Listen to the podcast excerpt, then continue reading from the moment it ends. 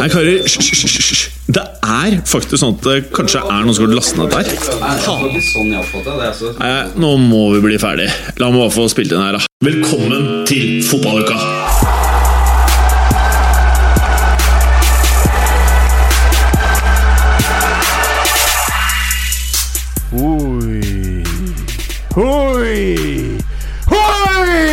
Det er mye folk i studio her. Ja, én, to, tre, fire og fem med meg. Det er mer enn hva man burde ha i et fotballuka-studio. Og med det så betyr det jo at vi har en gjest.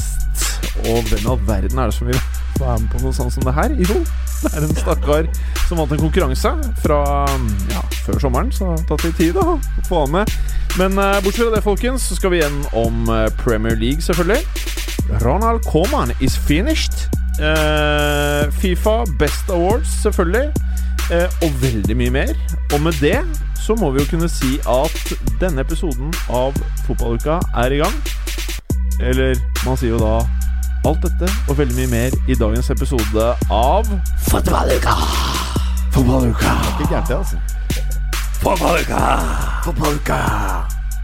Fotballuka. Og det var Berger. Eh, velkommen skal du være, Henrik eh, Lauritzen. Tusen hjertelig takk. Eh, hvem er du? Jeg er en eh, 21 år gammel student fra Oslo. Ja, Du må kjøre mikken helt oppi Oppi her. munnkurven der. Student skråstrek prisjeger, vil noen si. Ja, prisjeger Ja, også. prisjeger, fordi du er sånn der fæling som driver og stjeler priser fra andre sjapper. Mm. Jeg er den irri- irriterende fyren som kommer inn i butikken når du jobber der og sier at jeg skal forstyrre deg litt. Men Ja. eh, ja. Og på forkammerset her, så vi ble jo kraftig delaya en fæl, fæl podcast her. Fortell litt mer, Henrik. Det skjønte jeg ikke litt. Du er prisjeger. Hva, hva innebærer det? Eh, det er rett og slett bare at du går rundt og skanner priser for eh, en butikkskjede. Jeg jobber, jeg jobber for Rema 1000. Så jeg går og skanner rundt på Kiwi-butikker og Rimi og Rema og ja. Litt- Meny og altså sånne ting. da. prisspion, egentlig. Egentlig spion, da. Så jeg får jo mye blikk og mye sånn eh, Hvem faen er du, liksom? Men, Det likte du, Berger. Hva gjør du da? Er det sånn at du bare Hei, jeg skal bare handle, jeg er bare jævlig prisbevisst? Nei, eller, altså- eller, eller, eller identifiserer du deg selv og bare Jeg jobber fra en, er fra en konkurrent, og jeg har faktisk lov til å gå her og sjekke prisene. Jeg har funnet en jævlig bra løsning, fordi mm, jeg har fått et uh, sånn derre Skull Candy headset som har sånn full lydisolering, så jeg gir rett og slett bare helt faen i ting. jeg er her bare for å skanne, jeg. Så Hva, hva har du på ørene da? Eh, hva mener du? Hva er det du har på ørene Ja, i nei, det eh, headsetet? det- Fotballuka! Pyro Pivo, da, eller Nei, Ja, gjerne det òg. Hæ? Hva er det for noe? Eh, Det Så lenge det er moderne fotballpodder, ikke sant? Ja? Moderne mediefotballpodkaster, ja. ja. Jeg er helt enig. Eh, apropos eh, moderne mediefotballpodkaster. Du har jo fått deg eh, Eller du har jo Det er lenge jeg har sett den T-skjorten lenge. Men den Ja, er jo. Når du fikk den, så var den utvaska. Altså, det var looket på T-skjorten. Ja. Ja. Som, eh, som uh, tightsmannen fra Norges herligste, for de som husker det, sa. Ja. Den skal være sånn. Uh, Mads Berger, vi spiller inn en podkast. Fint å skru av lyden på uh, Mac-devicene dine. Det var ikke meg, det var gjesten vår. Var det deg, eller? Nei, det var ikke det. Det var meg. Nei, det var Eh, og nå, etter eh, mange mange måneder i bruk, så har jo denne Pyro Pivo-T-skjorten eh, gått fra å være utvaska i looken til å faktisk bli utvaska. Så nå etterligner den ikke lenger et utvaska produkt. Nå har den blitt ekte. Nå Ekte som Union Berlin. Ja. Og med det kan vi si at dette her er jo en fæl, fæl T-skjorte. Det syns du om alt jeg har på meg. Du er en fæl, fæl, fæl skulle mann. helst sett meg naken. Nei, Da snakker vi fæl, da. Åh. Preben, du er tilbake. Det er jeg. Du kommer flyvende inn for å rekke en episode av Fotballuka. Det er helt korrekt. Ja, Hvor har du vært? Eh, I dag har jeg vært i Bergen. Det er ikke så viktig. Men mange eh, barn har du der? Jeg kan ikke tenke meg at det er noen. Jeg kan absolutt ikke Alle er nordpå. Åpenbart. Jeg, jeg hørte jo forrige episode, så jeg vet jo nå at jeg har uh, mange barn nordpå. Men eh, det var London i helgen. Var det det? Det var Ja. Og det du barn der òg? Nei, jeg tror ikke det. Nei. Men jeg har gledet meg hele livet mitt til å gå på se på match på The Den. Millwall sin hjemmebane. Ja. Så tenkte jeg at det skulle være eh, Altså dritkult. Men uh, Det var dritt. Ja, altså det er Millwall, da. De har jo fanskar som er kjent for å lage litt uh, trøbbel i det hele tatt. Men det var jo stille og fredelig og ja, skuffende, rett og slett. Mm. Det var det da jeg var der òg. Ja, Du har litt forventninger når du drar på The Den. Mm. Var på lokale supporterpuben og Nei, det var bare fryd og gammen. Men uh, da jeg var der, eh, jeg vet ikke om det var tilfellet nå, men da hadde de jo for så vidt en gyldig grunn, for de hadde akkurat spilt en cupkamp mot uh, Wiggen, tror jeg det var, eh, hvorpå mange av disse hardeste hadde blitt arrestert. Eh, og på den påfølgende kampen, da, som var mot Watford, som da var et championship-lag, så var det sånn at eh, de hardeste enten satt i spjeldet, eller boikotta i solidaritet med de som var i Ja, spjeldet. det er så det var bare familiefolka igjen. Ja, det er, bare, det er nedtur. Vi gikk i pausen, vi. Ja, Det skjønner jeg, for det er ikke så mye å se på utpå der. Det er kelking, altså. Det er uh, Får du ballen, så kelke langt og høyt. Det er det de driver med i championship. Det er ganske fascinerende. Helt upressa midtstoppere. Klinker den av gårde. Hva annet tror du London, da? Så på Tottenham-Liverpool, på Uh. Wembley. Så det var eh, Det Sykt, var, vel? Ja, det var vel ny tilskuerrekord, tror jeg. I, jo, det var det. Ja, ja. I Premier League. Ja. Over 80 000. Så For dere lyttere som ikke trøkk. ser Mads Berge, han nikket eh, Ja, ja, ja. Altså, det var det jeg husker. Jeg jeg på det selv. Altså. Det må jo være det, og så var det var det. det. Ja. Så bortsett fra det, Bra så, så var det puben fra ni om morgenen til ni om kvelden, egentlig. Ja, ja. Det er bra. Så Det er meget bra. Det er bra. Er det på det faste London-hotellet? Det er riktig. Det som Vi har eh, vært der før. tidligere i fotballuka Bjarne mener er et bra hotell, men som er helt ok. Ja, men det er eh, veldig mye, bra. mye rød bekledning i alle rommene. Det er, Litt det sånn er semi-shady. eh, det er Kjennes vegg til vegg i alle rom. Ja. Inkludert badet. Men uh, ja, og stedet tilbyr også flere tjenester enn det å sove over. Eh, er Mads Berger, uh, over til deg. Uh, nå er det jo sånn at eh, Nå vet jeg for du, Du avbrøt meg så fort. eh, Mats. Ja, Ja. Eh, hvem er det du har på din høyre side? Det er uh, Henrik. Ja. Ja. Men vet, vet du hvorfor han er her? Nei, det var det jeg lurte lenge på. Jeg trodde, jeg trodde kanskje det var en av dine nye um, disipler. Uh, men så har jeg skjønt at, at du har vunnet en konkurranse som vi har hatt. Jeg har ikke fått med meg konkurransen heller. Jeg er generelt flinkere til å snakke enn å høre etter, så jeg har aldri fått med meg at jeg har hatt konkurranse. Det er et halvt år siden, da. Så Ja, det er ja, ok, men Da er Det det kombinasjonen av at jeg aldri hører etter, og at jeg har korttidshukommelse. Uh, ja, nettopp. Ja. Da skjønner jeg. Fordi det som skjedde her, var jo at vi uh, trakk en vinner. Kristoffer Berg. Han var veldig på. Men så fikk vi jo så mye bra snaps av deg, hvor du spiste Lekkerol på forskjellige verdenshjørner, eller? Du var masse forskjellige steder. Nå var i Mallorca, ja. Mallorca, ja. Mm, der er det varmt og fint. Så det du gjorde, så vidt jeg husker, det var at du snappa at du da enten lå på beachen eller et eller annet med forskjellige smaker av Lekkerol. Var det slik? Ja, blant annet kaktus og blackberry licorice. Ja, ja. ja. Og for dere lyttere, dette er ikke en annonse, så vi trenger ikke å markere det som en annonse. Dette her er jo faktisk det som skjedde. Ja. Så i dag så har du fått en sånn herre kasse, eller boks, svær boks med Lekkerol. Setter jeg veldig pris på. Ja. eh, Det er Lekkerol som har gitt det til deg. Ja. Eh, og så har du fått et eh, trådløst sånn Bluetooth-headset, da. Som du kan høre fotballuka på. Ja. Kommer jeg til å bruke masse. Ja. Makes people talk, da, ikke sant. Det er jo litt av kampanjen. Ja, ja. Eh, hyggelig at du vil være hos uh, oss, selv om Det er ganske på etterskudd. Ja. Og du er uh, fotballfan, skjønner jeg? Jeg er United-fan, ja. Mm. Oh, hører på United Podcast, da. Det gjør jeg. Ja. Eh, blant annet. Jeg hører også på sånn Manchester United-podden, blant annet. Men eh, veldig mye United. Går veldig mye United. Den eh, har jeg ikke hørt noe særlig om. Jeg er ikke moderne med det, altså. Nei, nei men de gutta er ålreite, de, altså. Ja, ja. Jeg har aldri Eh, vært gjest her, så det kan jeg ikke si noe om. Nei, nei de er for så vidt ålreite karer, altså. Prøver du å invitere deg selv nå, Morten? Jeg hadde ikke hørt om den podden før i dag. Manchester Nei. United-podden, kan ikke dere slå på Trond? Her har vi en fæl, fæl type som gjerne vil være på podkasten deres. Ja, det er det jeg driver med. Det er det du driver med. Du var jo med på Josemar tidligere, var du ikke? Jo, og det var bare fordi jeg satt i studio. Ja. Plutselig var jeg med. ja. Du var produsent. Mm. Ja, veldig bra. Snakkende Eh. tekniker, som vi snakka om i gamle dager. Ja, nettopp. Men uh, Lauritzen, Yes. uh, la meg spørre deg. Du som uh, heier på Manchester United. Ja. Hva er den største forskjellen på å være Manchester United-fan i år kontra sesongen som var eh, i fjor? Jeg trodde det var det at eh, det var ligatittelen som var eh, målet, da. Og det så jo jævlig bra ut nå i de første ukene. Mhm. Men uh, nå er jeg litt tilbake der hvor jeg var i fjor, altså, må jeg innrømme. Jeg er litt Så du er som fotball, fotballfan og- generelt kort hukommelse. Ja. Det er én runde av gangen. Ja, det er Går det ikke bra i altså. en runde, så Det er er alt krise. ja. Ja, men Det var jo tre matcher på rad nå hvor det så vel, har sett veldig ut som i fjor. Ja. Og det er vel kanskje det at man har for god hukommelse. Man husker altfor godt hvor kjipt det var i fjor. Ja, det er noe med det. Og året før der. Året for der. Og ja, helt riktig. Selvfølgelig murringen å komme fra tilsynelatende murringen, da, i Ja, Spåden. Det er gjorde, jo i, det gjorde den jo ganske tidlig i fjor også. Ja, det er jo Og skal jeg fortelle en veldig spennende nyhet? Ja. Som alle lyttere av Fotballuka vet, så er det jo en fyr der ute eh, som vi kaller eh, Morata-mannen. Eh, og det som er litt fint med Morata-mannen, eh, det er jo at eh, det er ikke så mye snaps å få når Chelsea ikke gjør det bra. Da er Morata-mannen eh, gone missing. Og du, som er Morata-mannen, hva er du egentlig mener med dette her? Er du så Megan-supporter at du ikke kan fyre løs en snap når det faktisk går litt dritt med dette laget, som jeg har spådd utenfor topp fire? Hva mener du, Lauritzen? Var det ikke han som ble flopp Mata-mannen? Jo, han ble floppmata! Ja. Det er helt riktig. Ja. Han er floppmata-mannen. Ja, du er omdøpt. Ja, hva mener du om Chelsea, da? Nei, altså Jeg følger jo ikke så jævlig mye med på akkurat Chelsea, men eh, det er ikke akkurat min type klubb. Jeg er ikke helt fan av de der eh, Men tror du de kommer på topp fire? Altså, de har jo spilt ganske bra i det siste, men eh, jeg er usikker på det, altså, med tanke på at de har ikke så mye bredde i stallen, og de kommer sannsynligvis til å satse og prøve å komme langt i Champions League også. Så Ja, For du vet vel hvor jeg skal hen nå?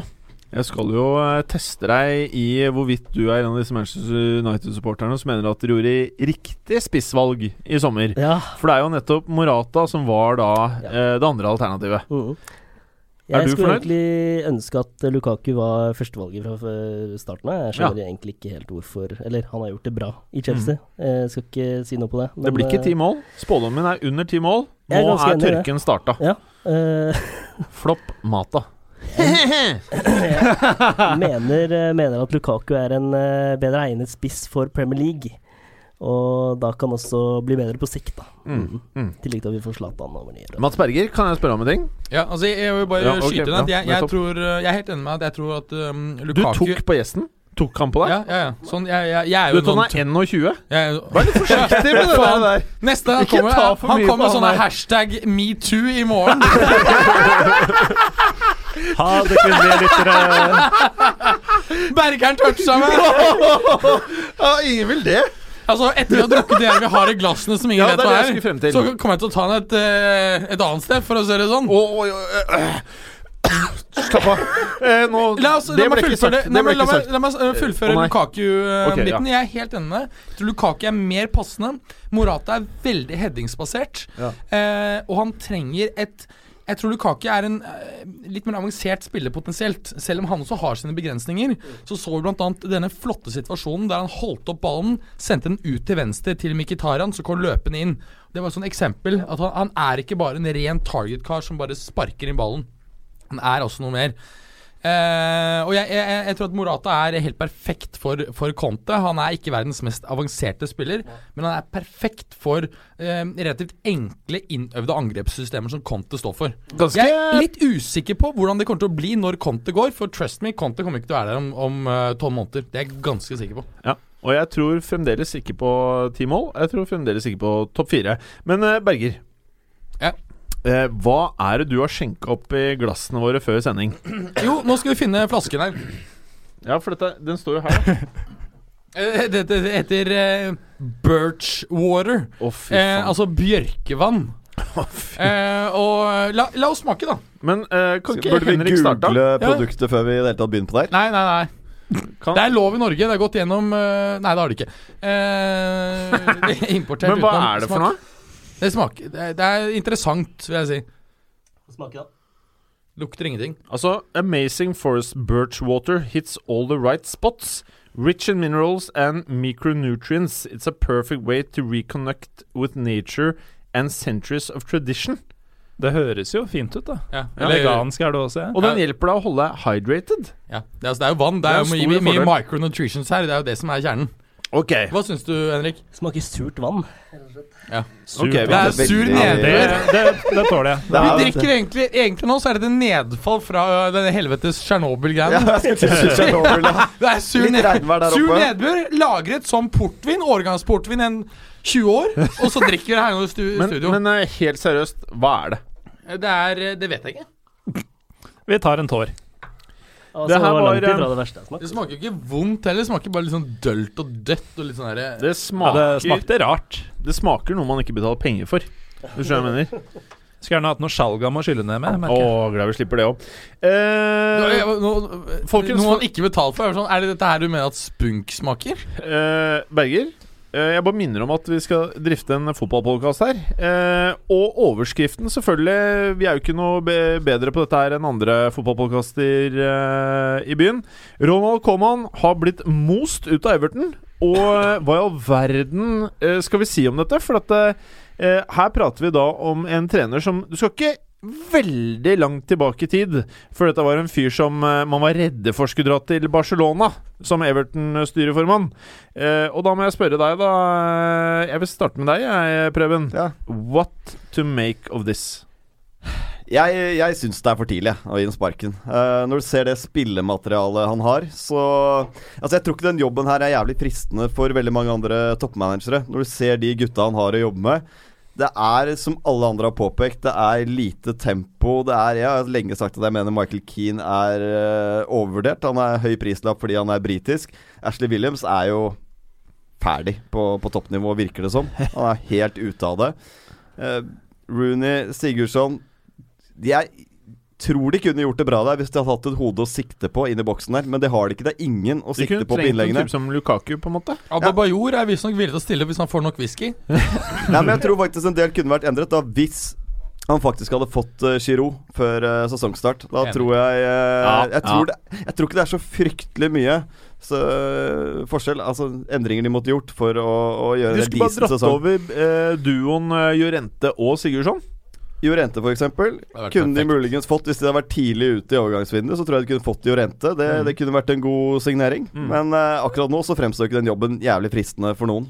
Giroud hevder de jo var i, uh, i bygget, men ombestemte seg i siste sekund. Og det kan jo faktisk ha vært det som uh, beseila skjebnen til, uh, til Koman. Altså, han mista jo sin beste spiller, og det har jo flere lag sett tidligere. Du blir ikke like god av å hente seks brukbare for de pengene, og det er jo ikke nødvendigvis hans feil. Eh, Men når det er sagt, så visste man jo tidlig at Lukaku var eh, ferdig i klubben, og man hadde god tid til å legge en plan, og det virker som den planen var Giroud. Hvis det er ett kort de spiller på, så er det helt sjukt. Ja, eh, og det er klart at Det er som, som du sier, uh, Gallosen, at, at dette her har man sett før. Så det med mm, Bale i Spurs, eh, ikke sant? Hvor uh, man kjøpte inn, som du sier, en hel hel da eh, skokk spillere. Noen av dem har jo vært vist seg å være bra. Både Erik Lamela og ikke minst eh, Christian Eriksen har jo vist seg å være suksesskjøp. Men poenget er at når en klubb som ikke er virkelig topp, mister eh, sin helt suverent viktigste spiller, så vil du komme kvalitetsmessig ned. Skal du da videre, så må du bruke de pengene på spillere som slår ut om to-tre år. Du må leve med at du kommer ned på tabellen de påfølgende to sesongene. Altså Jeg er helt enig med det, for du får ikke kjøpt på samme Nei. hylla som Lukaku. Det, det får det. du ikke. Men gjør du det smart, Ja. så kan du bruke de faktisk de, til å kjøpe fem talenter som i løpet av neste fem årene slår til. Det er det som kan da ta deg Du kommer ned, så kommer du opp i ny topp som er enda over den forrige toppen. Det har både Tottenham, Liverpool med salget av uh, Suárez eh, og nå Koman opplevd. Treneren har røket hver gang, men det er ikke treneren sin skyld. I, det som er interessant, er um, Du ser det på um, André Villas Boers, uh, som faktisk gjorde det jævlig bra første sesongen som Tottenham-trener. Vi husker han som en total failure. Ja, ja, det var ikke så gærent. Nei, det var ganske bra. Klart at når du mister den suverene trekkraften i laget, så vil det gå um, dårligere en periode. Og det er noe med det at kortsiktigheten eh, på en måte går forbi fornuften. Men for et lag som Tottenham og Everton, så er det ingen risiko for å rykke. Derfor kan du leve med at du får en litt lavere posisjon eh, et par sesonger, for så å komme opp i en ny topp og virkelig kunne true da topp fire. Helt enig tankegangen, men samtidig så har de jo kjøpt feil spillere. At de ikke prøver å finne I hvert fall når du henter Rooney, da. Så er jo han en spiller Han er jo fortsatt en god fotballspiller. Han har en veldig god høyrefot. Han vil jo kunne slå noen gode baller, og med Gylvi som også er der. Så mål nå sist Så er, spørs så er spørsmålet om de trenger begge, men at de ikke kjøper en mer target-spiss, da. Det, det er eh, rart. Ja, og Generelt så er jo troppen eh, litt sånn kasta sammen, føler jeg. Ikke, det er ikke noen klar rød tråd i hva slags type spillestil de søker å, å forfølge, og, og dermed også hente spillere som passer til. Og det er kjipt, fordi Goodison har vært et av- de stedene som har vært kulest å se fotballkamp de siste fem-seks årene, i hvert fall. Skikkelig trøkk på tribunen, et offensivt hjemmelag, skaper masse sjanser. De, skaper jo, de skapte jo trøbbel for alle storlagene på Goodison. Nå Ja, er det jo walk in the park. Jeg Husker Chelsea kom dit og slapp vel inn fem mål og sånn til tider. Uh, men det, det tar jo og, altså, Det ser jo ut som de har kjøpt feil i stor grad, men eh, samtidig, som du til dels er inne på, Berger, det tar jo tid når du har mye nytt. Og sånn utad så virker det som om triggeren her var 2-5 mot Arsenal. Og det Altså Litt forenkla så ser det jo sånn ut. Og hvis det er tilfellet, så er jo det helt idiotisk, fordi å tape 5-2 mot Arsenal kan faktisk hvem som helst gjøre på riktig Arsenal-dag. Ja. Så har de hatt et sjukt kampprogram. Ja. De har vel møtt uh, Tottenham City Det er akkurat det. Det er det verste Chelsea, biten. det, Er at. Kampprogrammet her er jo Arsenal. det Hadde vært mulig å stå Hvor mye Men- mer hadde de stått med med Lukaku i stallen, da? Selvfølgelig litt. Ja, ikke så fryktelig mye mer, tror jeg. Ikke sant? Men- men, at her er jo alt galt hele veien med rekrutteringen. De har trodd at uh, Chelseas Nei, unnskyld, Leicesters uh, Walsh, som altså da annet fant en Goro Canté osv., liksom nå skulle trylle frem en fem ganger Golo Kanté og Riyad Mahrez. Men det, det, tar tid å rekruttere til en god stall. Du kan ikke gjøre det i løpet av tre måneder på sommeren. Er det fair å konkludere med at uh, for Everton sin del, da Det her er ikke en sexy tropp å ta over. Uh, det er ikke en Carlo Ancelotti-tropp. Det er ikke noe Allegrier å få inn her. Jo, bare Jannik Bolassi kommer tilbake i form, så, så blir det helt vilt. Uh, og dermed så føler jeg at det er en signifikant eh, Det er helt annerledes å sparke en trener som veldig mange er enige om er flink i jobben sin. Som er en god fotballtrener. Og hvis det ikke er noen klar klare forbedring eller en klart bedre trener å hente inn, så er dette her eh, noe som virker overilt, med mindre det er noe informasjon, da selvfølgelig er det jo det, som ikke vi sitter med, som uh, tas med i betraktning her. Uh, Lester, uh, Everton da, eh, Berger? Altså, nå har de jo nye trenere begge to. Jeg, jeg syns det er rett og slett klin umulig å si. Jeg, jeg, jeg heller mot en, øh, en uavgjort her. Eh, jeg føler det blir helt sånn random. Men der har vi nok en treneransettelse som jeg ikke forstår. Claude Puel er Ja, helt annerledes enn det type Ranieri sto for, da. Og kanskje sånn spillemateriale de har i dag, er jo ikke kan selvfølgelig fungere til dels, men her får du en mann som liker å spille mer på tvers, holde ballen i laget. Ikke den eh, veldig markante kontringsfotballen som, eh, som Ranieri sto for og Shakespeare eh, videreførte. Mm.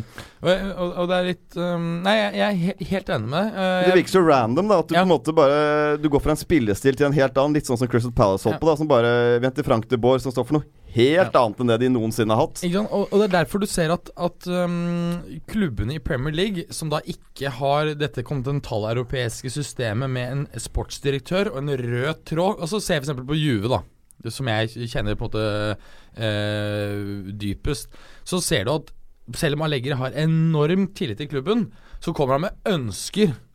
Til syvende og sist er det, er det Fabio Paratici og, og Marotta som bestemmer det her, for det skal være en rød tråd. Hvis Trenerne skal ikke være det lenger, de er det for en periode. Da jeg var på mitt mest uh, turkofile og faktisk fulgte uh, flere lag i uh, Superleague tett, så var det En del av sjarmen var jo at det var sånn storlek, sånn merry-go-round av uh, trenere. Mm. Eh, klubbene sparka i øst og vest og bare ansatte hverandres trenere på rundgang omtrent. Eh, og det var jo sånn som man drev og lo av, sånn derre ha-ha, bare i Tyrkia. Og det ser jo mer og mer ut til å bli tilfellet i England også, som liksom skal være en mer sånn sivilisert og og ordna eh, liga, så er det jo fullstendig mangel på planlegging. Og sånn som Puels tilfelle er, virker, virker som det bare er sånn første navnet de kommer på som ikke har jobb. Ja, altså I Italia er det enda verre. Der har du hatt situasjoner hvor, hvor han eh, hva heter han, Maurizio Samparini i Paler- Palermo ønsker å ansette samme treneren for tredje gang i samme sesong. Ikke sant? Da skjønner jeg at det er ut, og inn, ut, inn. Og, og eh, to dårlige kamper. Nei, det var feil ansettelse. Det er greit å ta tapet sitt tidlig. Det, det kjenner jo både jeg og Jim fra eh, andre sammenhenger. uh, ikke da med damer, Andre men med i bransjer. aksjemarkedet. Ja. ja. uh, ikke sant? Eh, ikke sant? Første tap og alltid minst. Det Men det blir jo en turbulent song for, for, for Everton, dette her. Fordi nå er det David Unsworth som har tatt over. Det er jo typisk nå, nå møter de noe litt dårligere lag etter hvert nå, så kommer han til å få noen resultater. Så signerer de treårskontrakt med han i desember. Mm. Så kommer de ut i mars-april igjen og taper sju på rad. og så er han ja. sparka igjen. Og- og det, er, det er så typisk engelsk, da. Ja, og det, og det er istedenfor f.eks. Altså, ta Marco Silva, som er den åpenbart riktige treneren for Everton. For han er ikke Han er uh, Se hvordan han gjør det i Watford. Det sa, sa jo jeg uh, i at, Ja, altså i januar, at det her kommer til å bli dritbra. Men poenget for Everton er at når de ikke tok muligheten i sommer nå er, er det ikke noe poeng, for han går fra Watford til Everton. Han, han, han skal gjøre det, Det bra På med. Watford, og så skal han ha en toppklubb. Men i sommer hadde jo Everton ingen grunn til å hente Marco Silva heller. De var jo strålende Nei. fornøyd med Koman, eh, som tok dem tilbake til sjuendeplass. er det beste de kunne håpe på, men, men du må greie å tenke litt frem. Og, og se at hør her. Nå mister vi den beste spilleren som har trukket hele laget. Dette skjer hver gang at du har gjort det helvete etterpå. Da må på en måte, altså, du må greie å se litt frem. Så helt enig. Southampton da, back in the days, når de sparket uh, Atkins for å ansette Pochettino. Altså Atkins hadde gjort det bra med klubben, men følte at han ikke var mann til å ta det til det neste Ja, nivået. ja, Sparka han. Mm. Så det går an å tenke langsiktig. Men samtidig, altså, ikke sant, det finnes jo uh, unge trenere, ikke sant, typ rundt vår alder, sånn midten av 30-årene, som er dynamiske, kreative, eh, innovative, og som fins der ute. De må tørre på en måte å ta noen sånne bets. Og det, det du, sant, du så Hull gjorde jo det bettet. Det holdt på å gå bra, selv om de var helt fucka da vi gikk inn i januar uh, i år. Uh, ja. Bra, Berger. Hvordan ender denne matchen, da? Uh, jeg, jeg tror det blir U, jeg. U? Ja. Blir det mål? Nei, jeg, tror, jeg, jeg, altså, jeg, jeg syns Rooney har hatt noen gode bevegelser. eh, Jeg synes liksom tre- Skuddet er flott. Du 3-3 så, du så hvor diggere død han var nå i matchen sist. Han fikk den der og bare la den i, i eh, venstre krysset. Jeg, Jeg tror det blir eh, uavgjort. Veldig greit. Ja, du vil at, er jo at det er sånn 4-0-spådom? Du, den er, den er jo umulig å spå. ja, det, jeg syns det er helt umulig. Jeg satt og holdt på med det lenge, og jeg bare Nei, klin, Jeg bare Ok, vi har nå eh, to United-supportere i eh, studio. Eh, og det er jo på mange måter litt eh, fælt. Eh, på en annen måte så er det jo nesten litt eh, deilig. Eh, nå vet vi jo hvordan media liker å blåse opp ting, men vi vet samtidig hvor gæren Mourinho kan være, og hvor belastende det kan være med å jobbe en sånn type fyr. Det kan sikkert være helt fantastisk også, men eh, det vi burde diskutere, og det vi må diskutere, eh, er vi i ferd med å få nok en eh, Mourinho-unrest i garderoben her, Lauritzen? Altså, jeg vet ikke, Nå har det vært mye snakk om det der med PSG og de greiene der. Det. Han gikk vel ut og sa noe på det at det ikke kom til å bli noe av uh, likevel. Eller at han var uh, keen på å dra dit etter hvert, og at han ikke skulle være i United resten av, resten av karrieren. Men uh, altså, jeg var ganske negativ i utgangspunktet til Mourinho. Ja. Fordi jeg er ikke veldig fan av den defensive strukturen som han pleier å uh, gi, gi et preg på lagene sine, da. Eh, men eh, altså, han er jo en veldig Veldig karakter, da. Så det er vanskelig å ikke like ham til tider også. Men tror du gutta er forbanna nå? Tror du liksom Pogba står der og Altså, jeg vet jo ikke hvor lenge Pogba er ute. Det er jo det som er problemet. men, men, men, Eh, men tror du liksom gutta Er de forbanna på Mourinho? Begynner det liksom å Jeg leste til og med Matic, eh, selv om han mener han er den beste treneren noen har hatt, Mm. så nevner jo han også at det er, det er krevende å ha Mourinho. Og Ja. vi vet jo når mange av disse managerne, jo eldre de blir, jo jævligere er det å ha med å gjøre. han er jo din diva. Eh, ja, eh, og nå begynner jo håret å bli helt hvitt. Altså Carlo hvitt.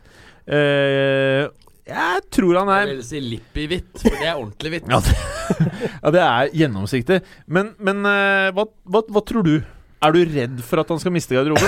altså, jeg er veldig redd for neste sesong, eh, Ja. fordi det er jo tredje sesongen. Ja. Kjent eh, Mourinhos dårligste sesong. Men Mm. eh, altså, jeg er veldig spent på å se hvordan det blir når eh, noen av disse spillerne kommer tilbake. Det er mye prat nå om eh, at Hvem, det er hvem er det du tenker på? Pogba og Fellaini, Blant annet Pogba. Nå kommer Zlatan over nyåret. Mm. Fellaini har vært veldig viktig de siste kampene. Det er Eh, sykt å melde, men ja. Ja, det er jo riktig. Ja, ja. Eh, og så tror jeg faktisk at uh, disse gutta vil ha en mye større impact på de kampene som har vært. Mm. Uh, da hadde du kanskje ikke sett 1-1 Liverpool Nei, 0-0 mot Liverpool, mm. eller den der forferdelige kampen mot Huddersfield. Og så over til den fæle, fæle makkeren din, Morten Gallosen, som prøver å ta over programlederrollen her gang på gang. I dag så føler jeg at det, i dag. Ja, og jeg føler at det Berger har prøvd å pushe meg litt.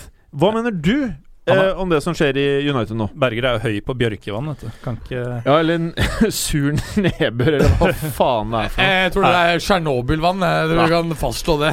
Men eh, det, det skal jo ha svartna for eh, Mourinho i eh, pausen mot Huddersfield. Ja. Eh, Og det, det er jo veldig sånn tabloidmat, da. At eh, nå er han i ferd med å miste det. Nå, nå kommer det vi har venta på, det vi eh, sitter som klare med notisblokken og kameraene sine. Men jeg, jeg syns eh, sånn isolert sett at det er en god ting, jeg. Etter at eh, spillerne dine serverer den omgangen mot det laget. Da skal du hive pizzabiter og, og støvler på, på spillerne. Du Mm. skal eh, skjelle dem ut, du skal fortelle dem at framtida deres i klubben er i fare hvis Mm. dette skjer igjen. Og det gjorde den også. Ja. Uh, så det engasjementet liker jeg. Det Mener du at at det går an å bli litt fysisk? Ferguson ble jo det opptil flere ganger, Ja. og uh, mista ikke garderoben av den grunn. Nei. Han uh, var jo sjelden med Mener du det spillerne er lov å slå? Eh, Akkurat som 50-tallslærere med elevene sine? Ja, altså Som lærer så skal jeg kanskje være forsiktig med å si at det er greit, men uh, så lenge det ikke gir merker, si. Og Berger driver med Ja, det, for det er veldig interessant um, det du sier, Morten. Nettopp det at, at uh, I motsetning til andre trenere som har vært ganske harde mot spillere, så er Ferguson har aldri vært trenert til å miste garderoben. Hva er årsaken? Altså, Fordi han, selger stjerner. Uh, bo- I boken hans sier han det at han solgte Paul Ince. Det var helt avgjørende for at han skulle klare å holde eh, respekt i garderoben. For med en gang Paul Ince begynte å vise tegn til at han var større enn klubben, rett ut. mm. Og jeg tror liksom eh, Og dette Van Nistelrooy for eksempel også røk jo med en gang han uh, var begynte å bitche mot, mor, uh, mot Ronaldo. Ikke sant? Japstam. Ja, ja. Men uh, det er jo uh, relativt, som jeg nevnte eh, tidligere i kveld Vi uh, snakka jo om noe lignende ganske tidlig forrige sesong. At det var sånn akselerert uh, Mourinho-kurve vi var i ferd med å se, hvor det gikk dårlig med laget, og han var sint og tverr i mediene allerede, og det gikk seg jo til. Men, men, men eh, jeg, jeg, jeg ut avbryter her, men jeg er jo tross alt programlederen her fremdeles. Eh, så er det jo sånn at eh, jeg føler at Mourinho prøver å være en bedre versjon av seg selv. At han prøver å vise at han har lært, men så bare eh, Sånn Skorpion-historien, så er det sånn Han er fortsatt Mourinho. Mm. Han prøver å være noe annet, Endrer ikke så, personlighet når du er 52. men så klikker han. Han mister det. Ja. Altså Det jeg tror eh, de fleste United-supporterne håper med Mourinho, er at han kan være der over en lengre periode. Mm. Noe jeg tviler på. Eh, Han er jo så vanskelig person å ha med å gjøre, så jeg Ja. tror ikke det er eh, et realistisk mål. Mm. Um, men det jeg, dere burde gjøre, sende han tilbake til Chelsea, og så kjører over Conte. Ja. Det hadde vært noe. det hadde vært noe. Ja, Det hadde jeg Og så tar du med Morata. Jeg har veldig lyst på Pochettino, helt personlig. Ja. Jeg spillere syns også og-. Pochettino er hot. Noe mer fra deg, Pyro? Uh, nei, jeg kan jo nevne at uh, en som fikk ordentlig hard medfart, var jo Ander Herrera. Han Ja. ble jo name-droppa i negative ordelag. Og uh, han har jo sagt selv at eh, han syns faktisk det var fair, og at det ikke er noe dårlig stemning mellom han og uh, Mourinho. Det er jo selvfølgelig sånn du er litt programforplikta til å dysse ned ting, men André Ander Herrera tror jeg på, rett og slett. Jeg, jeg tror dette er eh, blåst opp. Men så tror jeg også at uh, med alle pengene og alle divaene som går med moderne fotball, så syns jeg også at uh, det at managere slår ned på spillerne Jeg ser på det som meget viktig. Men så må du klare å ha den derre man-to-man-skillen som gjør at uh, når du har kjørt de rett ned, så må du klare å plukke det opp igjen og glemme eh, Altså at det er vann under brua. Ja, og det er ikke noe balleknaing Mourinho er kjent for. Like fullt, så det finnes jo knapt et større ego i verden, og da mener jeg ikke bare i fotball, men sånn hele verden, enn Zlatan Ibrahimovic. Han elsker jo Mourinho. Ja, han elsker Mourinho. Men det, det er ikke så rart, fordi Mourinho har jo satt han på en pidestall helt siden første gang de møttes. Det er jo samme Det er noe- person. Altså, Han har fått litt annen behandling enn Luke Shaw, for å si det forsiktig. Hva er en pidestall? Pidestall det er eh, opp, eh, forhøyet opp på en, i en sånn troneaktig Er det en trone? Nei, en pidestall er som Altså For eksempel hvis du skal eh, stille ut noe, så setter du det oppå en greie så det skal være synlig for alle. Ah. Ja. Ja, veldig bra. Eh, så da til eh, det som er åpenbart her. Her skal Manchester United ta imot en eh, hurricane. Mm, de skal det. Blir de Kanskje. Penetrerad? Det er ikke sikkert Harry Kane spiller.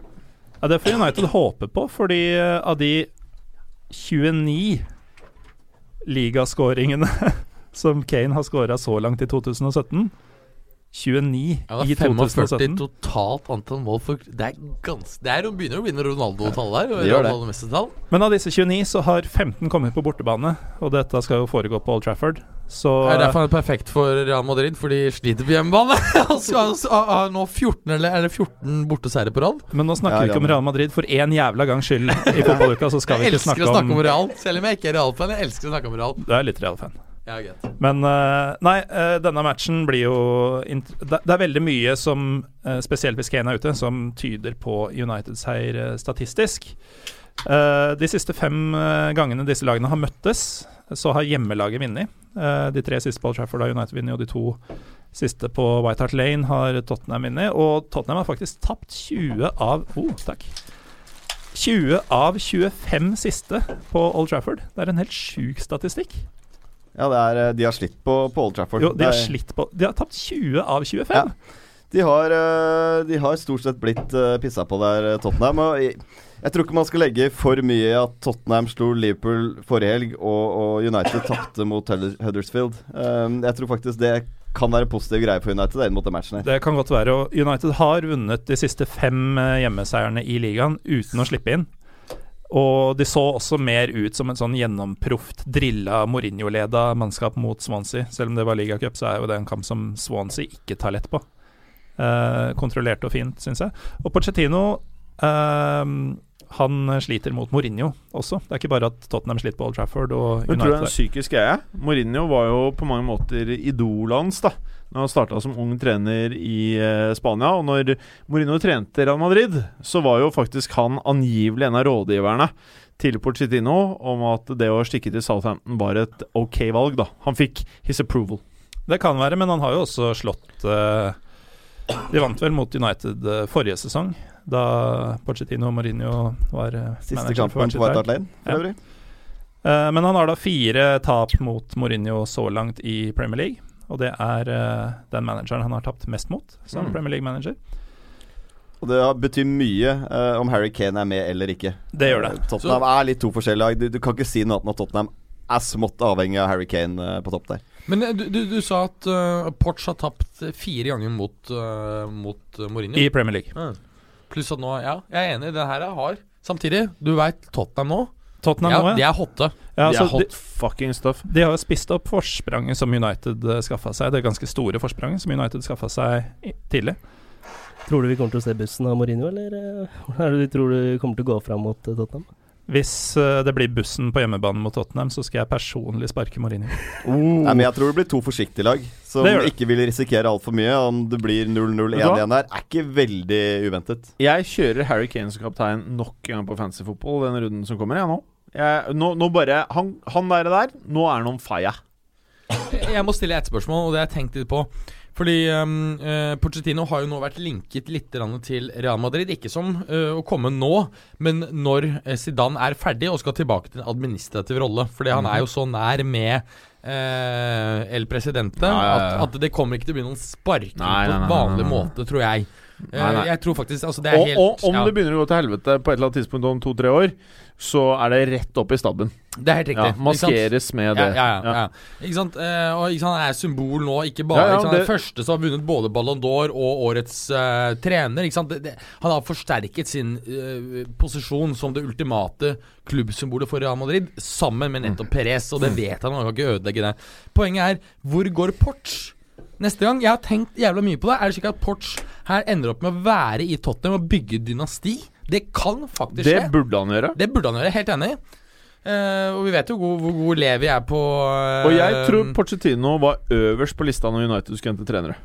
Og jeg tror, Tror du det? Ja. Det er det jeg ikke tror, for da tror Jeg jeg, det er hente han. Eh, jeg, Jeg tror det var sånn at Fordi eh, Husk på at Jeg tror at det er ekstremt mye jeg tror penger Ja, men, eh, kriteriene for suksess er vesentlig større å fortsette med Tottenham for Pochettino enn å ta over Manchester United.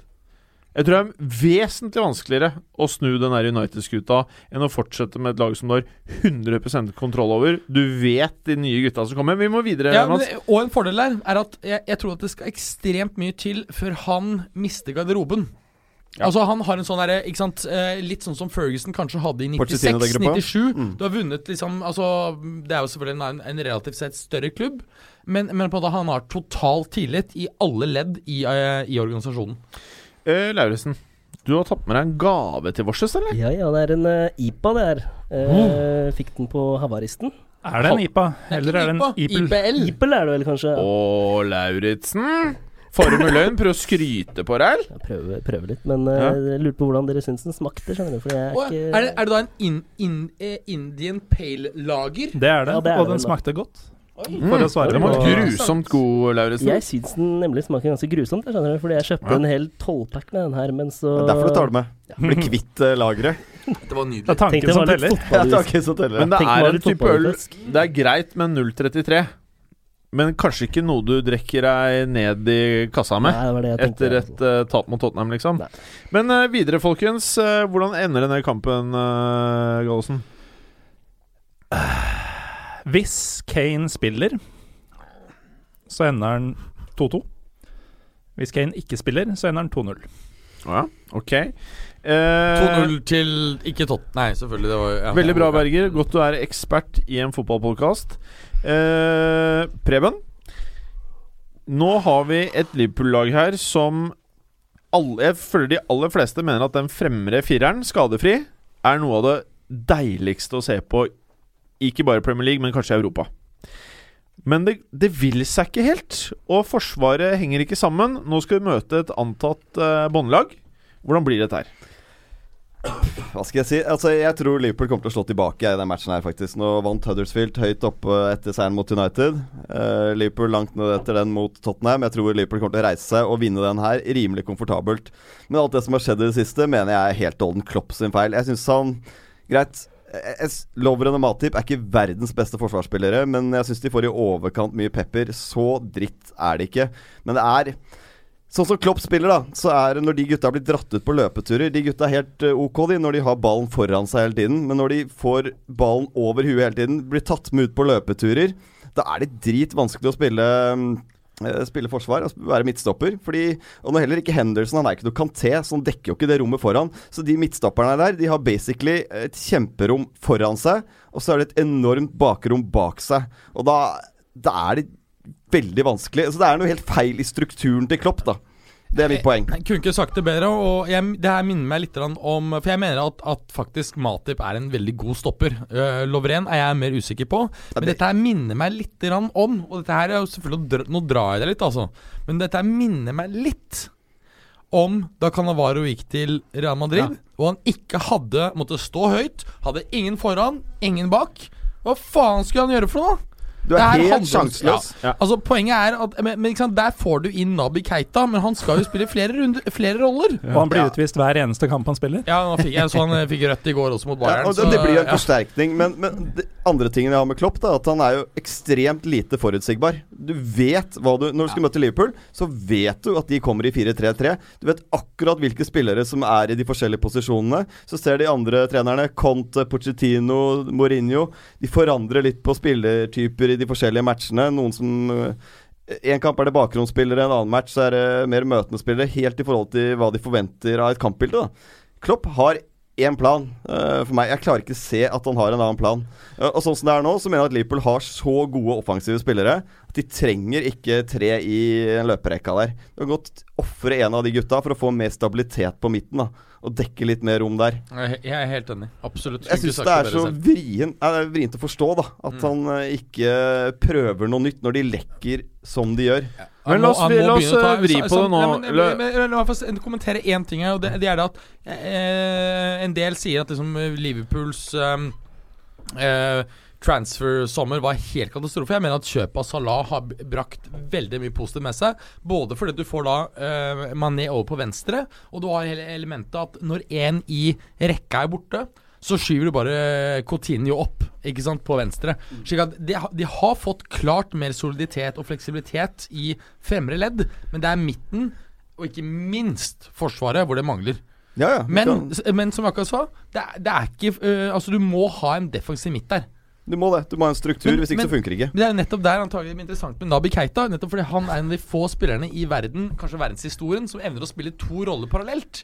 Og det, kombinert med en mine damer og herrer, en, en ekstra stopper, blir ganske sweet neste år. Altså. Veldig bra. Hvordan ender dette, Preben? Jeg tror Liverpool vinner uh, 3-0 eller 3-1. Jeg tror de vinner ganske komfortabelt. Ja. Ok. Uh, det blir ikke noe kloppsparking om de taper, eller? Nei, eh, men jeg sa jo for 14 dager siden at jeg tror ikke Klopp er mannen som drar eh, Liverpool eh, opp til de store høyder. Jeg, dessverre tror jeg at det er de litt mer pragmatikerne som lykkes over tid. Det er jævlig kult å se på Liverpool når de, ting funker. Det er jo ikke noe annet lag som er fetere å se på. Men uh, i lengden så blir det for mye blemmer. Altså Det er jo ikke noe som har skjedd akkurat nå at de tapte 4-1 mot Tottenham. Dette er jo et gjentagende problem. Virker som du vil si noe, Berger. Jeg, jeg, tror at de vinner uh, ligaen neste sesong. Årsaken er at de kommer utenfor topp fire i år. Slik at de har ikke Champions League, så de driter i pengene. Ergo så kommer de til å bare droppe hele Europaligaen. Uh, og dermed spille som om de hadde vært uten europacupspill. Og den lettelsen, kombinert med Nabi Keita og en stopper, vil gi ligagull. Bra. Eh, videre her nå, uh, buddy. Eh, det murrer også litt rundt denne Conte, eh, Mads Berger. Som vi på mange måter har eh, satt eh, helt der oppe som en av verdens aller, aller beste trenere. Kanskje den beste akkurat nå. På en pidestall? På en pidestall, helt riktig. Uh, hva, hva, hva, tenker vi nå frem mot helgen her? Er, er dette en skjebnekamp? Er det Nei, nei, nei. Det er, det er, ikke noen risiko, tror jeg, for det. Altså, Chelsea er i en slags krise, men de vinner altså mot 4-2 mot Watford. De vant mot uh, Everton 2-1 i, i, går. Kan godt argumentere for at de har hatt litt, uh, litt marginer med seg, men vi ser f.eks. at uh, Mishi Batshuay, som har blitt nederlagsdømt og skjelt ut left, right center Skårer jo hvert 60. minutt siden han kom. Mm. Og det er klart at Hvis det er tre skåringer på 180 minutter, så er det ikke interessant, men nå begynner det å bli litt lenger. Han, han, leverer jo faktisk. Han er en impact player. Ja. Um, jeg mener at, uh, at uh, Chelseas problemer er utelukkende Nei, nei, feil. Utelukkende. Oh, ja. eh, det er 50 fordi hun er Granit mener? Nå sa jeg noe, noe nedlatende stygt om henne. Pip. Ja. er pip. Eh, og han derre Mikael Eminaldo burde gå og skyte seg selv eller henge seg selv eller et eller annet. Oh, ja. For de er helt ubrukelige. De er flinke på én ting, og det er å, å eh, ha disse gutta på lån. Men når det gjelder Altså, du kan ikke gå fra å spille i Premier League, og så få Champions League på toppen, og så ikke utvide stallen. Men det poenget vet jo vi, da. Ja, og det har vi prata om hele ja, og, ikke sant? og poenget er jo at når de da Altså, Matic-salget er jo fortsatt helt skandaløst. Tenk deg hvordan de har trengt han her nå. Det er ikke Ruben Loftus Cheek de mangler, det er Matic. ikke sant? uh, så, så, dette er jo helt skandaløst. Uh, og det er uh, primært deres skyld. Den andre 50% er det at Conte kom inn. Tapte en del, det var Bob-Bob. Og så kom man med 3-4-3-formasjonen som kjørte knockout. Men nå har alle kopiert den. Så nå må man enten komme med en ny nyvending, eller så er det på en måte litt sånn status quo. Okay. Eh, derfor er det 50% deres skyld, og det er klart at eh, Ja. Så det du prøver å si om kampen mot Bournemouth, er hva? Bournemouth hadde jo sin første seier på en liten stund nå i, i helgen, uten både Joshua King og, og Defoe. King, så vidt jeg har skjønt, er tilbake faktisk nå. Uh, Defoe fortsatt skadet. Jeg tror ikke Behemoth uh, vinner denne kampen. Jeg tror Chelsea tar det. Uh, og de kommer til å inne innenfor uh, topp fire, dvs. Si fjerdeplass. Mm. Ja. Bra. Gallosen, vi runder av Premier League med Arsenal-Swansea. Eh, blir det masse poeng til Arsenal her, eller?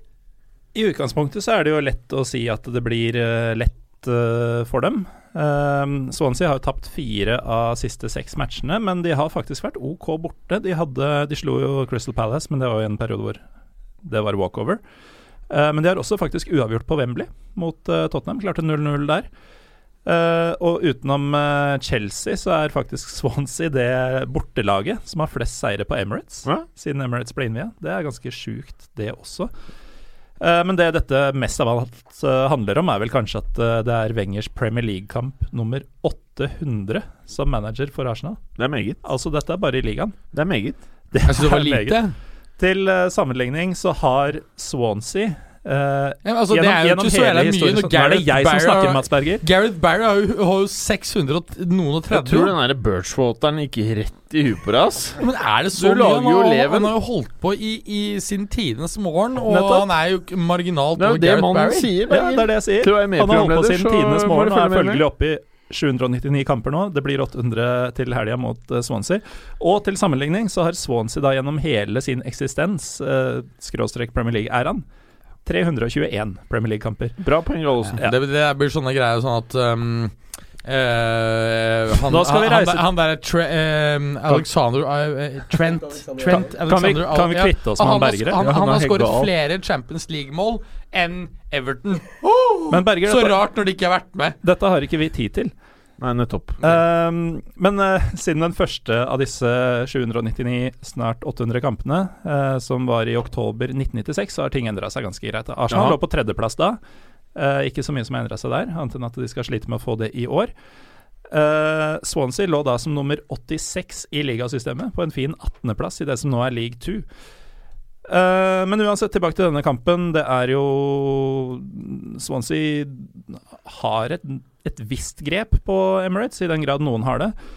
Uh, men Arsenal har seier i alle hjemmekampene i Premier League eh, så langt. Og eh, sist mot Everton så så vi jo at uh, Arsenal med Øzil, Sanchez og Lacassette fra start det er potensielt blodsexy. Og jeg tror de bygger på den og skårer en haug med mål. Og at Wenger vinker til fansen og hygger seg. Og Det var første gang de tre gutta spilte sammen. Mm. Så Kan vi tenke oss da en situasjon hvor Lacassette selvfølgelig innehar midtposisjonen. Eh, Sanchez trekker ut på venstre. Øzil settes ut som høyre. Men han trekker inn i banen og overlappes av høyre av, av Beirin. Ser du poenget mitt? Da, da, da, da kødder du til eh, Altså, du kan få trukket forsvarsspillere ut av posisjon, og så kan Beyerin. Ikke sant? Det kan bli en ganske sexy greie. Nå prater du. Ja, altså Nå kan vi snakke om en, en eh, Nei, jeg skal ikke engang si formasjon. Jeg ble en flytende formasjon på dette her. Bra. Veldig bra, Berger. Nå var du god. Nå var du god. Ja, men altså, Jeg, jeg, jeg mener at det er realistisk, spesielt fordi Beyerin er den gode bekken der, og han passer inn på overlappen, og at Øsel trekker inn. Bra. Eh, og så må vi da kjapt gjennom eh, Fifa Best Awards. Ja, fordi at eh, det var jo en liten overraskelse gå, at eh, Hva sa du? Da må Morten gå. Er, Eh, ja, Morten liker jo ikke dette her. Hvorfor liker du ikke det, Morten? Jeg syns det er meningsløst. Jaha. det er en lagidrett, si. Men det er ikke uten mening. Det gir jo mening å gi honnør til noen som har gjort det ekstra Ja, bra. Jo, men Men måten Ballon det gjøres på, er så barnslig. Jeg Hva, syns hva ville vært, hva, hva ville vært den voksne måneden hvis, du skulle, måten hvis du skulle gjort det? Det er det som er problemet, da. Eh, Dette er jo i utgangspunktet den eneste voksne måten å gjøre det på, å la fagfolk bestemme. Ja. Men de, de ser jo ikke forbi egne preferanser og lagkamerater og sånn. Costa Ricas eh, landslagssjef og Costa Ricas kaptein har til, sammen gitt, gitt to stemmer som verdens beste spiller til Keylor Navas. Ja. Da kan du egentlig bare kaste hele Ja. dritten i dass. Ja, Enig. det- Chris Coleman, tror jeg det var, hadde ikke Messi eller Ronaldo i noen av dem i topp tre. Bale Ramsey og Jeg, jeg vil likevel si at årets stemmegivning er langt mindre irrasjonelt enn eh, La meg si eh, Per Siljan Skjelbred, som, som kjørte frem uh, Marcerano som nummer én etter en middelsesong til å være han, da. Altså Selvfølgelig god sesong for alle andre. Men det er jo uh, direkte useriøst. Enhver uh, stemme som ikke har Ronaldo eller Messi som nummer én. Det, de, Nei, de, det er ikke de skulle enig. bare Det er bli ikke- kasta jeg, jeg er ikke helt enig, men, men, men Nei, jeg syns det er langt mer sinnssykt. Nå er det er- Birchwater attack, ass. Altså, jeg synes det er langt mer sinnssykt, sånn som andre gang når vi hadde altså, spillere som var sånn totalt Altså helt Det var ikke sånn at eh, det var Sora- Suarez eller Lewandowski. Du kan argumentere for at de, ja, jeg syns de var best. Nei, altså Her var det det er, helt det er, andre spillere. Det, to- finner vi ikke i år. Det er mye mindre sinnssykt. Jeg har tatt med noen. Det er to spillere, og så er det Det spennende er hvem som er tredje, og hvem av de to som er én og to. Det er jo sånn det blir. Eh, Lauritzen, Yes. eh, hvem ble beste spiller? Det ble jo Cristiano Ronaldo. Hvem mener du burde eh, fått den? Cristiano Ronaldo. Jeg er på Åh det toget sjæl, Jim. Ja. Så, mm. Eh, og hvem mener du er den tredje beste? Altså Jeg hadde vel sagt Suárez, eh, men han har jo falt noe jævlig, så Nei, altså jeg vil si Neymar, jeg, altså. Ja, Mm, ja. Etter Messi. Hvis du spør Robert Lewandowski hvem som er den tredje beste, så er det Cristiano Ronaldo.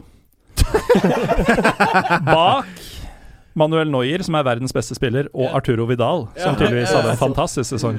Fy faen, det er irriterende. Se for deg de handjobbene Vidal har levert i garderoben for å uh, få en så høy stjerne hos Noyer, da.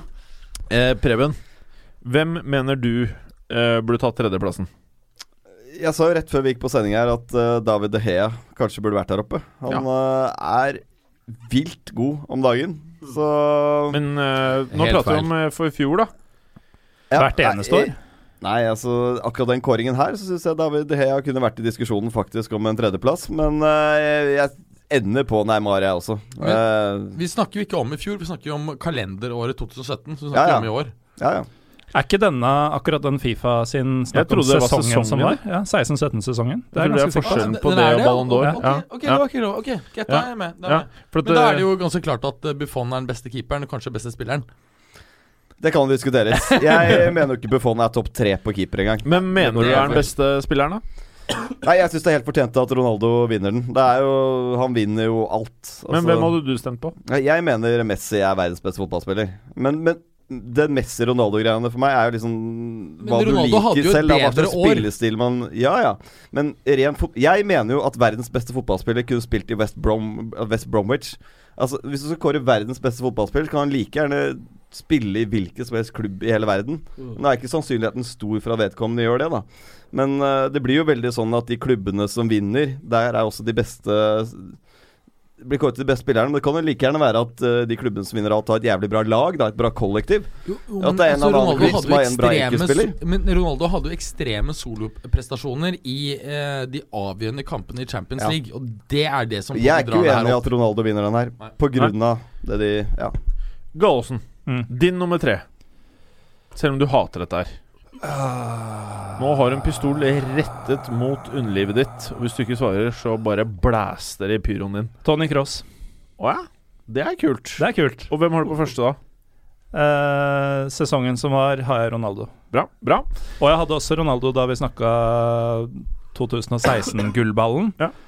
Men selv om jeg har Ronaldo som de to siste store vinnerne, så mener jeg at Lionel Messi er en bedre fotballspiller. Det er jo veldig sånn du er høy på Birchwater når man sier sånne ting. Jeg shotta Eh, med. ja. Eh, eh, ja, Berger, skulle du si noe? Eh, Ronaldo, Messi, Buffon, selvfølgelig. Selvfølgelig, ja. Ja. Akkurat. Men Nettopp. Er det Buffon eh, foran Digea? Har du ikke tenkt, Eh, tenkt på hvem som har vært Bra, Lauritzen! Kom igjen, ta nå! Hvem er det som er mest har vært For, for det første så er han bedre, og så er han eldre, og så har han prestert bedre. Og så er det også Pass på ikke ta på noe, Berger. Og så er det også en sånn På en måte sånn um, uh, Siste på en måte hylles til, til det som vi må kunne si er historiens beste keeper, og som nå skal gå av Bra, Men det er akkurat det er der. Nå kan vi like gjerne ta den keeperdiskusjonen med en gang. Ja. Uh, og det er jo det den prisen her er. Han får jo en pris for karrieren sin. Han får jo ikke prisen for at han var beste keeperen i fjor.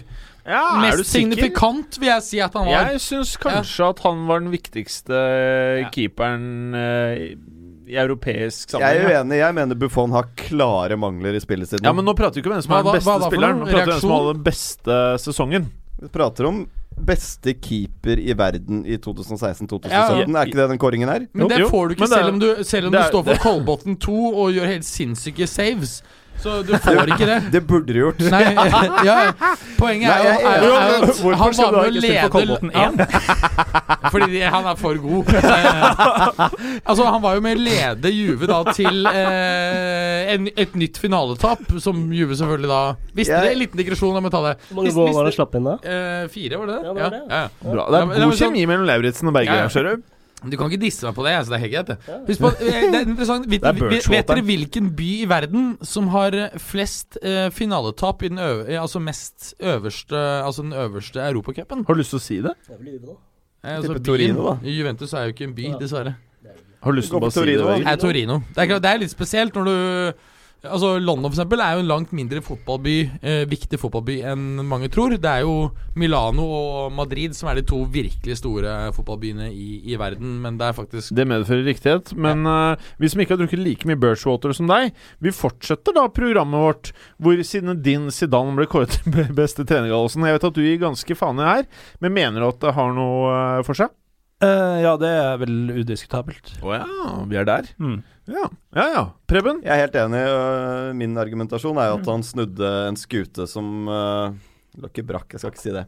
Men uh, det var jo stygt under Benitez der ja. en periode. Å klare å snu det der såpass kjapt som han gjorde, og vinne alle de titlene Men det gjorde han jo ikke forrige sesong, da. Nei. Nei, det var sesongen før. Jeg, øh, Men jeg er helt enig. Det han gjorde denne sesongen, det var jo det å bringe den første doublen, altså da Europacup og ligagull, til Real Madrid på Er det over 50 år? Og det er Jeg tror de mener det var siden 1958 eller noe sånt. Og, og det er spesielt. Bra. Uh, Det er ikke noe å le av det, det er helt sant. nei, nei. Lauritzen, mener du at Zinedine Zidane var rettmessig kåret til beste trener her? Altså, jeg er ganske enig i akkurat det. Eh, spesielt etter Benitez-perioden så gikk det jævlig dårlig. Eh, men han har jo virkelig tatt eh, Real til det neste nivået, og det med de unge spillerne som de får opp, og hele den pakka er bare synes, gir meg mye mer sympati for eh, Real Madrid. Og jævlig god trener, så enig. Altså. Og så for å avrunde kalaset. Er det noen andre ting som ikke har blitt nevnt nå, av syke stemmegivninger i denne awarden?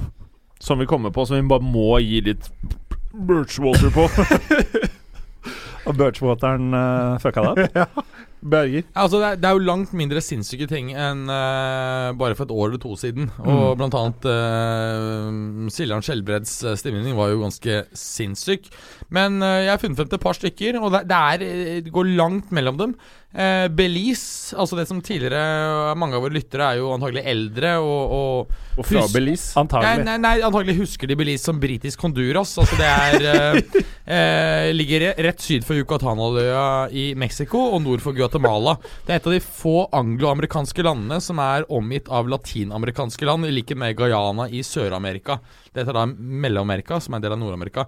Og Belize, eh, kaptein eh, Elroy Smith, han har eh, Og det er her som er rart, da. Det er at nummer én er Sergio Ramos. Ja. Og så da tenker du sånn men faen, ok, da, lik, da har du ikke noe mot Real Madrid. Hvorfor faen er ikke Ronaldo der? Ok, men Da kommer han på andreplass, men der er Neymar. Og tredje så er det Alexis Sanchez. Det er random. Jeg får det ikke til å gå opp. Nei, nei, nei. Og, og hva skjedde med Marcello, som var, syns jeg, mer viktig og bedre? Jeg, jeg, den syns jeg er rar. Han er nok på Birchwater. Ja, Og så har jeg vært i eh, Luxembourg og snakket med Mario Murch. Uh, Du har vært der? Han har fått eh, rapporter derfra. Jeg har fått rapporter. Ja, der har jeg faktisk også vært. Så du ikke nå at du var der og prata om Ja, jeg, har vært, i- altså, jeg har vært rett nord for Belize. Jeg, jeg, jeg, jeg, jeg Og der møtte du Luxembourgs landslagssjef. Nei, nei, nei, nei, jeg sa feil. Eh, Belize, Men du har i det minste Belize rapporter området, derfra. rundt Belize. Eh, jeg har vært området rundt, men ikke selve Belize. Luxembourg så har jeg vært, så jeg kjenner til Mario Murch. Og han kjører faktisk eh, eh, Tony Kroos, han på nummer én. Ja, det er ikke så gærent. Det er Han er jo gjerne god. Ja. Eh, og så har du Cristiano Ronaldo på andre, så han har ikke noe Han elsker Madrid. Sergio Ramos på tredje. Ja, det er er sånn, så er sånn Putt navnet i en kopp, rist det og ta ut navn eh, random. Nummer tre, da skal vi til uh, Karibia, Montserrat. Mange av våre lyttere kjenner kanskje ikke til Montserrat. Montserrat er ett av 31 British Overseas Territories, Og hva het det tidligere? Eh, det vet jeg ikke. Jeg tror det alltid hett Montserrat. Ok. Ja, eh, det, det som er veldig interessant, er at etniske miksen, det er irrer. Eh, oh, nei, nei, nei. el- el- eller Ikke noe eks- gærent. Nei, nei, det er ikke noe gærent. Nei, nei, det er irer. Eh, eller eh, vestafrikanere. Eh, ja, det er miksen. Det er så jævlig fett. Det er sånn Det er ingen engelskmenn. De må ha verdens feteste aksent. Den tror jeg er heftig, ass.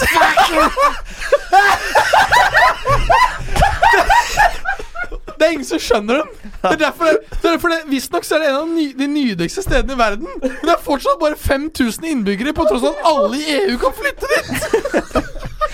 Og det som er fett, er at halve øya har en vulkansk case. Som at nå er det no go-sone. Ikke pga. de no normale no go-tingene. Bare sånn kan sprenge når som helst. Så de, flytte, de har flyttet hele hovedstaden, holder på å bygge den opp igjen, for den ble knust for 15-20 år siden. Og eh, han som var Beatles ehm, produsent, som var The Fifth Beatle han bygde opp et produksjons... Altså produsentanlegg, slik at Michael Jackson, Beatles, Rolling Stones, alle de dro dit for å slappe og de-drugge. Um, Hva er det vi prater om nå? Montserrat Ja, okay. i Karibia. Har du nevnt stemmene, eller uh, Nei, det, kom, bare det kommer etter hvert. Ja. Ja. Så det, det, det, det som er ganske interessant og spennende, er bare 5000 mennesker der. Det er 233.-plass i verden. Og de har stemt. Anthony Griffith, såres på første. Harry Kane på andre og Kanté på tredje.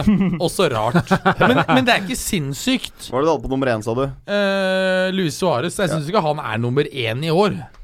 Nei, Det hørtes ut som de bare hadde Premier League på TV der. Uh. Ja, det, ja. Men, det er, ja, men det er jo også britisk territorium, da. Gallosen, har du bitt deg merke noe eh, weird shit? Men Luis Suárez spiller ikke i Premier League, Du da. tror du er f... nei, jeg vet det.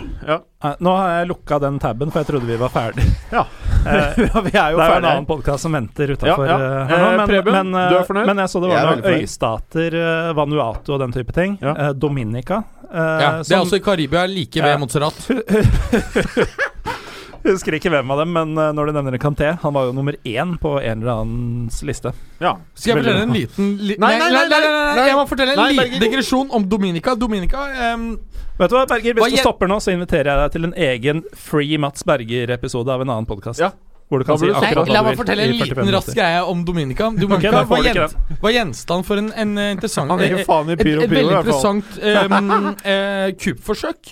Hvor det var en gjeng kommunister som ønsket å lage en kommunistisk Du vet at det er en fotballpodkast, ikke ja, sant? eh, Men også allierte de seg med det som viste seg å være nynazister. Så skulle de sammen begå statskupp. Og så viste det seg at nei, de greier ikke å samarbeide, og så gikk alt til helvete, og så ble de satt ut av FBI. Det viste seg.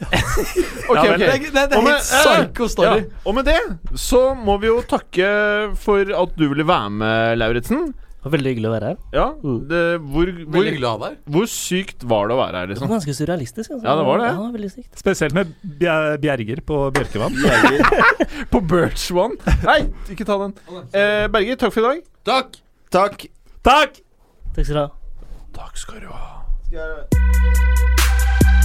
Takk for at du hadde høre på. Vi er Fotballuka på Twitter, Facebook og Instagram. Følg oss gjerne. Men bare få høre. Den tror jeg blir litt fet.